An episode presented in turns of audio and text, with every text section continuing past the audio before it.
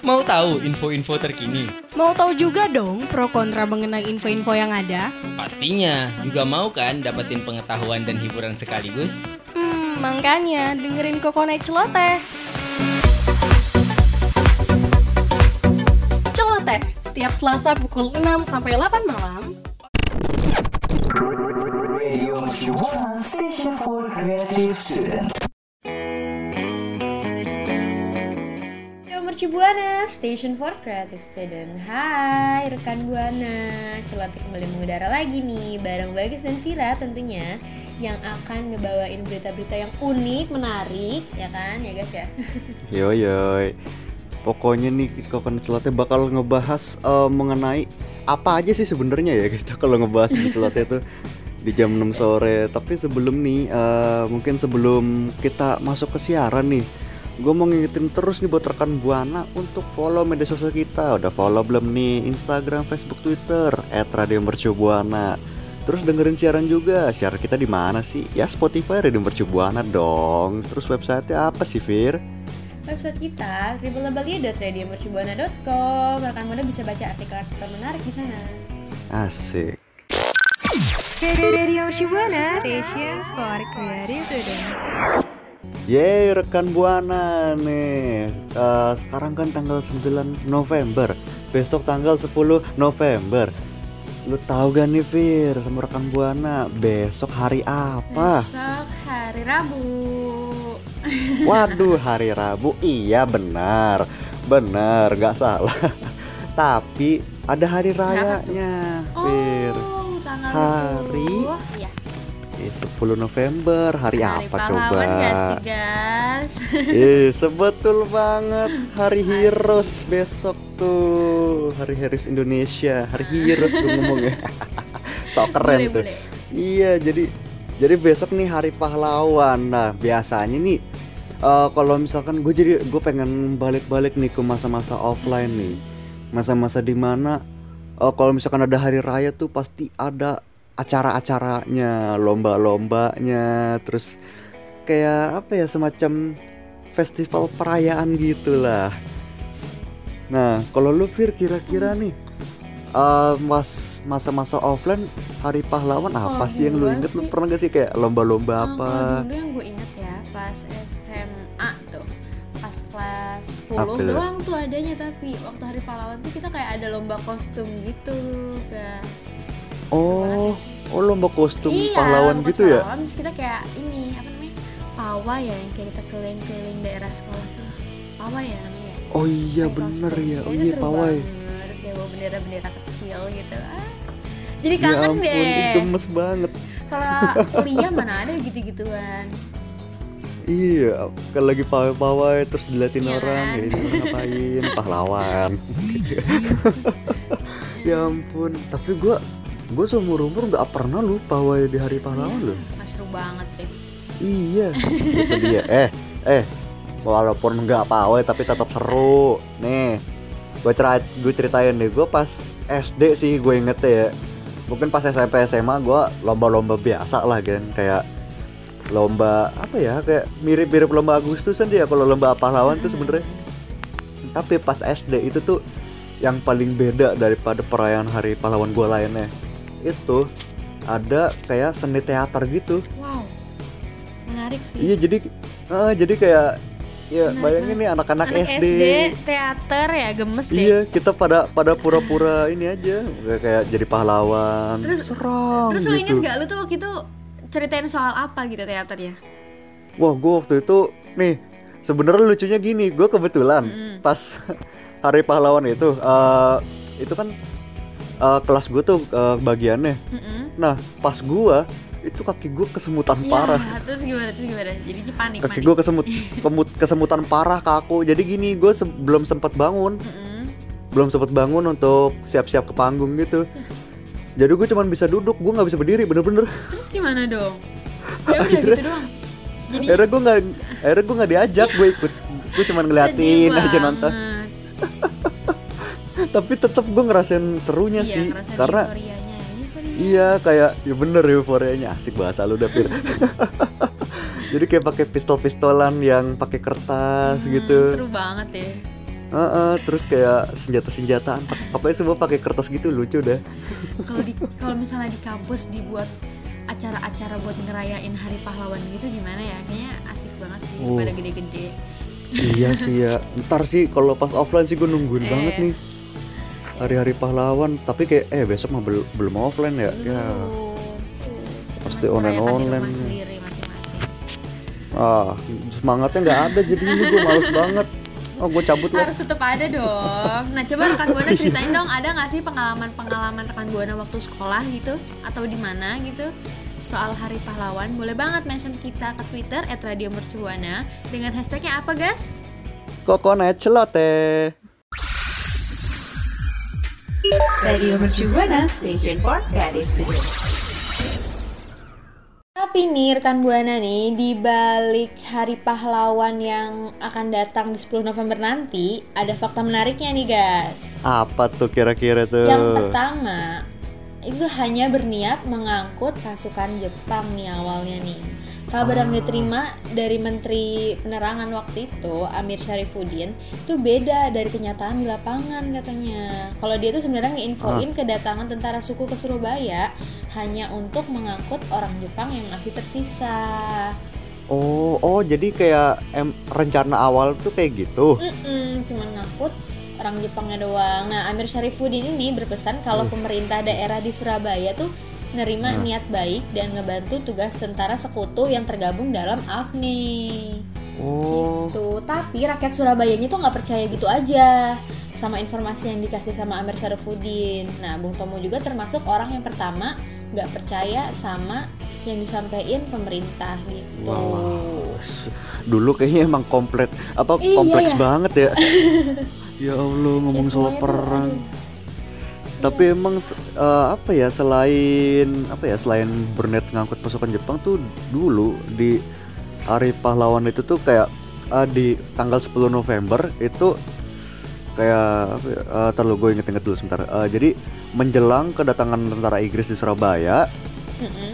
eh, Musopo itu yang pada pada saat itu telah ngangkat diri jadi Menteri Pertahanan Republik Indonesia itu ngajak seluruh rakyat Surabaya buat siap-siap perang sama pasukan Inggris Oh. gitu. Tapi Oh. ternyata ternyata Mm-mm. nih tentara Inggris yang datang juga bawa misi buat balikin Indonesia ke eh, administrasi pemerintahan Belanda gitu. Waduh. Jadi jadi Indonesia tuh mau dibikin balik lagi ke Iya. Hindia Belanda. nggak bisa nggak bisa kayak gitu. Nah, nggak boleh, nggak boleh, nggak boleh. Ya kan untungnya nggak kejadian ya.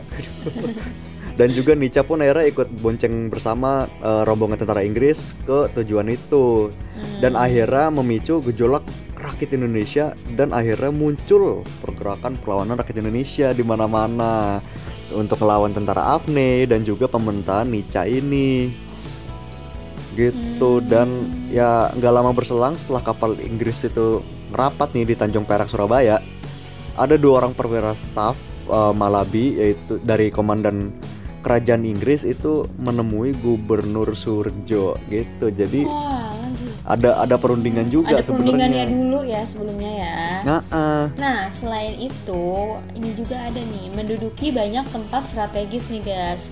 Dalam Yes. perundingan antara sekutu dan Indonesia tadi nih, pada 26 Oktober di Gedung Kayon, Ah, itu tuh ngasilin kesepakatan di antara pasukan sekutunya nih yang mengelucuti senjata eh senjata Jepang. oh gitu. Hmm, nah, nyatanya nih, Inggris tuh juga ngedudukin sejumlah tempat strategis di luar perjanjian nih, guys. hmm. Aduh, astaga ini terus di di, di mana-mana aja tuh kira-kira Eh, sih misalnya itu tuh kayak contohnya ya kayak lapangan terbang Tanjung Perak, perusahaan listrik Gemblongan, kantor Hmm. Ah. pos besar dan gedung studio di sampingan. oh di Simpangan iya, simpangan maksudnya maaf Ya ya, rekan. Simpangan. itu emang kurang ajar banget sih Ini asli. ya. Bung Tomo pun juga kurang apa ya nganggep kurang ajar tindakan Inggris ya karena nggak sesuai perjanjian. Iya, makanya kan nggak sopan ya kayak gitu ya. iya itu dia. Eh, eh, yang bener aja loh ya. Dan selain itu juga eh, apa ya pasukan Inggris di 10 November ini banyak banget nih masalahnya nih di balik 10 November kejadiannya. Jadi pasukan Inggris itu juga nyerbu penjara kali sosok Waduh. dan Waduh. ngebebasin orang Belanda yang ada di di di apa dalam tahanan itu Ya ampun. gitu dan akhirnya ya kelihatan lah tetangga apa tetangga tentara Inggris itu tuh mulai nunjukin ketidakpatuhannya lah sama Hmm. perjanjian yang udah dibuat Licik ya. itu ngelicik banget emang Inggris dulu tuh dan juga akhirnya pas tanggal 27 Oktober eh, pas tanggal 27 Oktober akhirnya menuntut dan mengancam semua rakyat Surabaya buat nyerahin kembali semua senjata dan peralatan perang kepada Inggris Oh. Nah, nggak lama dari situ, guys, tewasnya Brigjen Malabi nih pada tanggal 30 Oktober 1945. Itu tuh menjadi hari naas bagi Brigjen Malabi nih, guys. Aduh, Iya, karena dirinya tuh mendadak melintas jembatan merah terus sejumlah milisi Indonesia mencegat mobilnya nih. Nah, Wah. di situ jadilah tembak-tembakan dari kedua belah pihak wah wah wah wah. yang membuat Brigjen Malabi itu tewas. Nah, kematiannya juga diduga sebagai pemicu pertempuran yang terjadi 11 hari setelahnya nih, guys. Hmm, 10 November ya. Mm-mm. Aduh. Nah, insiden tadi itu maksa Letnan Jenderal Christensen atau Komandan Pasukan Sekutu AFNI nih ber- memberikan peringatan keras terhadap Indonesia terutama pejuang yang ada di Surabaya. Oh, Nah, iya, lain apa Jenderal Christinennya ini, Christensennya ini ngirimin seluruh divisi infanteri kelima lengkap dengan peralatan tank ke Surabaya. Waduh, wah, kayak duh, udah serem ini banget. banget ya persiapan perang. Dan akhirnya Surabaya tuh kayak ini ya di kayak dis, dis- berarti diserang dari berbagai Iya. sisi kan dari darat, dari darat, laut, dari udara. laut. Astaga. Dan ter Itu jadinya. dan iya dan dulu sedihnya dulu sedihnya gini, Pir. Jadi sel- selama apa ya suasana Surabaya itu makin mencekam, Uh-uh. itu tuh pemimpin di Surabaya ngehubungin Jakarta buat minta arahan lah gitu. Uh-uh. Tapi masalahnya Presiden Soekarno dan men- dan Menteri Luar Negeri Subarjo itu tuh bener-bener nyerahin keseput- keputusan sep- sepenuhnya ke Ya rakyat Surabaya. Jadi kayak lepas tangan. Iya iya. Gitu sedih dia. sih kayak gitu ya. Ah, ah, dan akhirnya tuh eh, apa ya? Bung Tomo akhirnya eh, nggak ada pilihan lagi kecuali buat bertempur. Gitu akhirnya semua apa ya rakyat Indonesia bener-bener ayo semangat gitu untuk lawan eh, tentara sekutu bener-bener ngajak semua elemen di Surabaya. Iya dan akhirnya pas jam 6 sore ad- enem- apa elemen TKR dan pemuda itu bener-bener menekan sumpah kebulatan tekad Waduh. gitu. Nah, terus habis itu, Iya itu itu. tapi gas petikan Hai. pidato Bung Tomo tuh membakar semangat arek-arek Surabaya nih.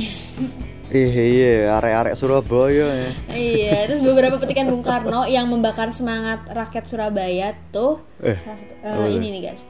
Inilah jawaban kita, jawaban pemuda-pemuda rakyat Indonesia. Hai Inggris, selama benteng-benteng pemuda Indonesia masih mempunyai darah merah yang dapat membuat secarik kain putih menjadi merah dan putih, selama itu kita tidak akan menyerah. Aduh, semangatnya langsung membara gitu kan ya habis mendengar pidato Masalahnya yang kayak gitu.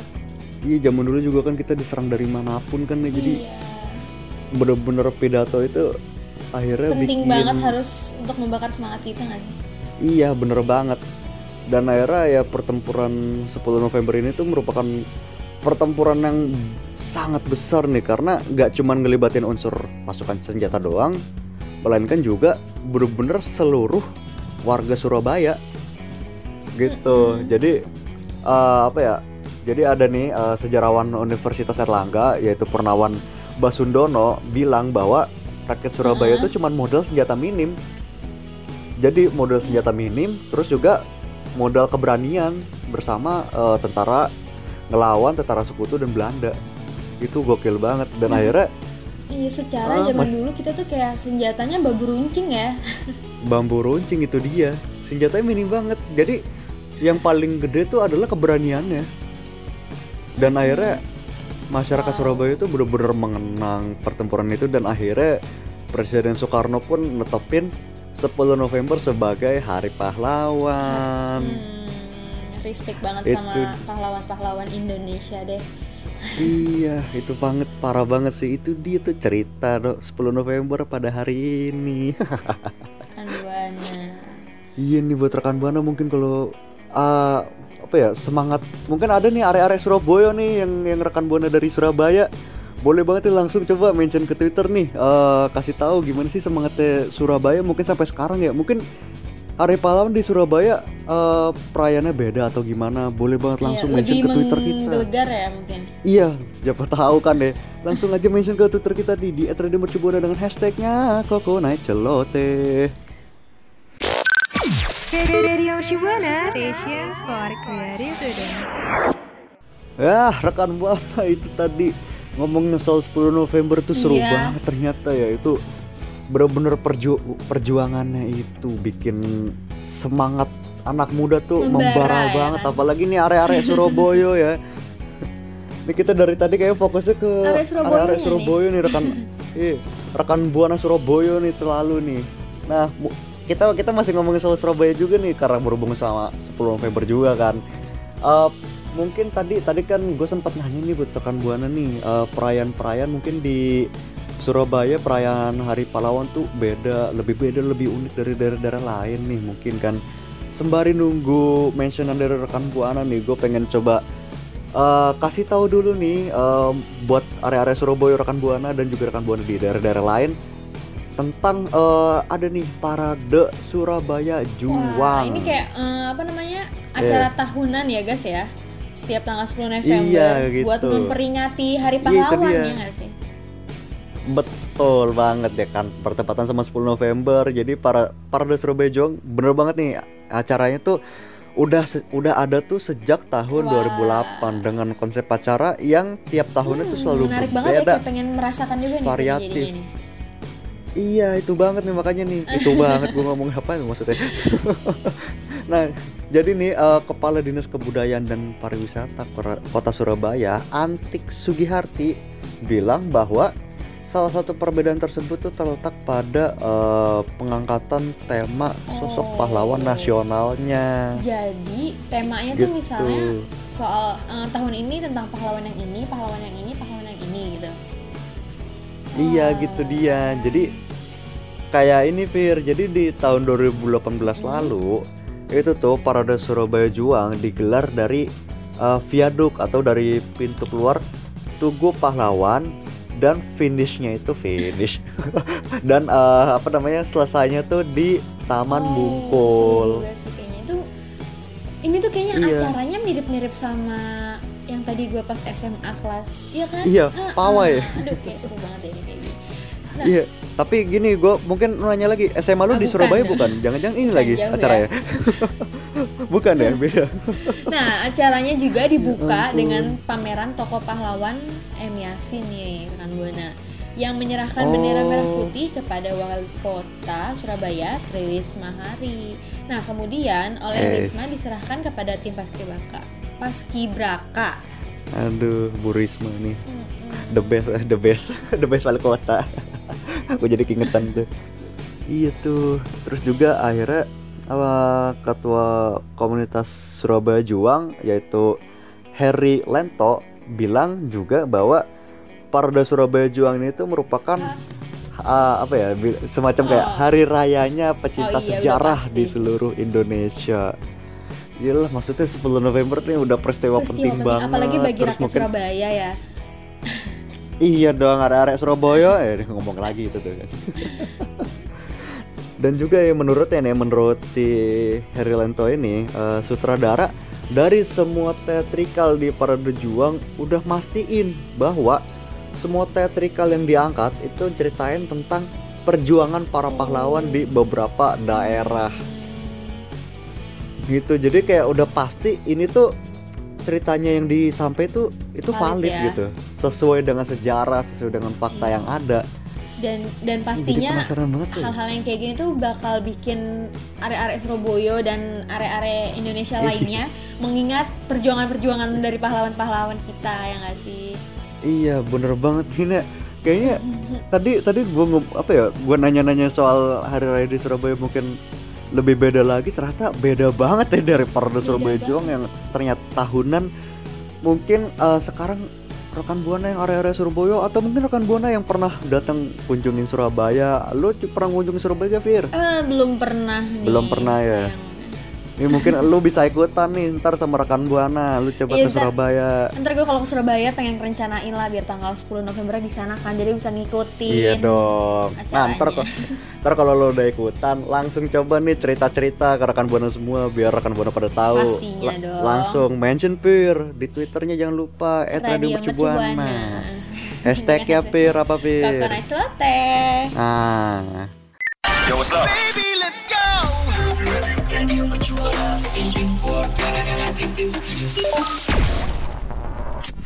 Nah tadi kan kita udah bahas mengenai 10 November ya guys ya Hari pahlawan kita Is. Terus keunikan-keunikan di Surabaya Gimana sih dia memperingati Hari Surabayanya dengan cara yang spesial gitu ya Hari Surabaya salah maksudnya tuh Hari Hari Pahlawan, pahlawan. Bukan Buana. Gua betul-betul aja lagi. Iya kayak hal-hal yang kayak Ya gitu kan bisa bikin kita mm, apa meningkatin rasa apa ya Rasa nasionalisme kita bikin sih. kita jadi ingat semangat pejuang-pejuang kita waktu membela negara kita gitu ya Iya, iya betul banget sih. Gua gua berharap sih semoga solid solidaritas Indonesia nggak cuman berhenti Iya. di 10 November Amin, doang amin, ya. amin. Tapi dong. semoga bisa kayak solidaritasnya terus terus terus. Contoh nih area-area Surabaya di 10 November, semuanya berjuang lawan tentara sekutu.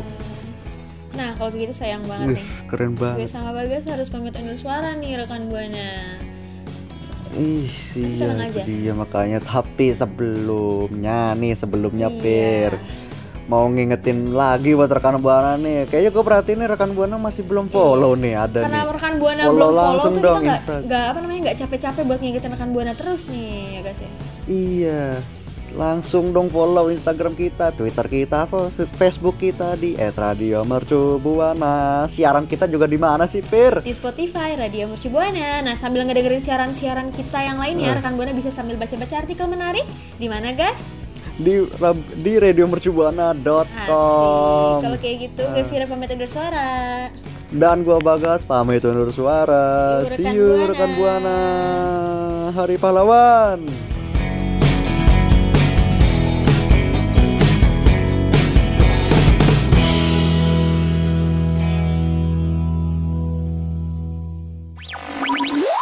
Radio Mercubuana, station for creative student.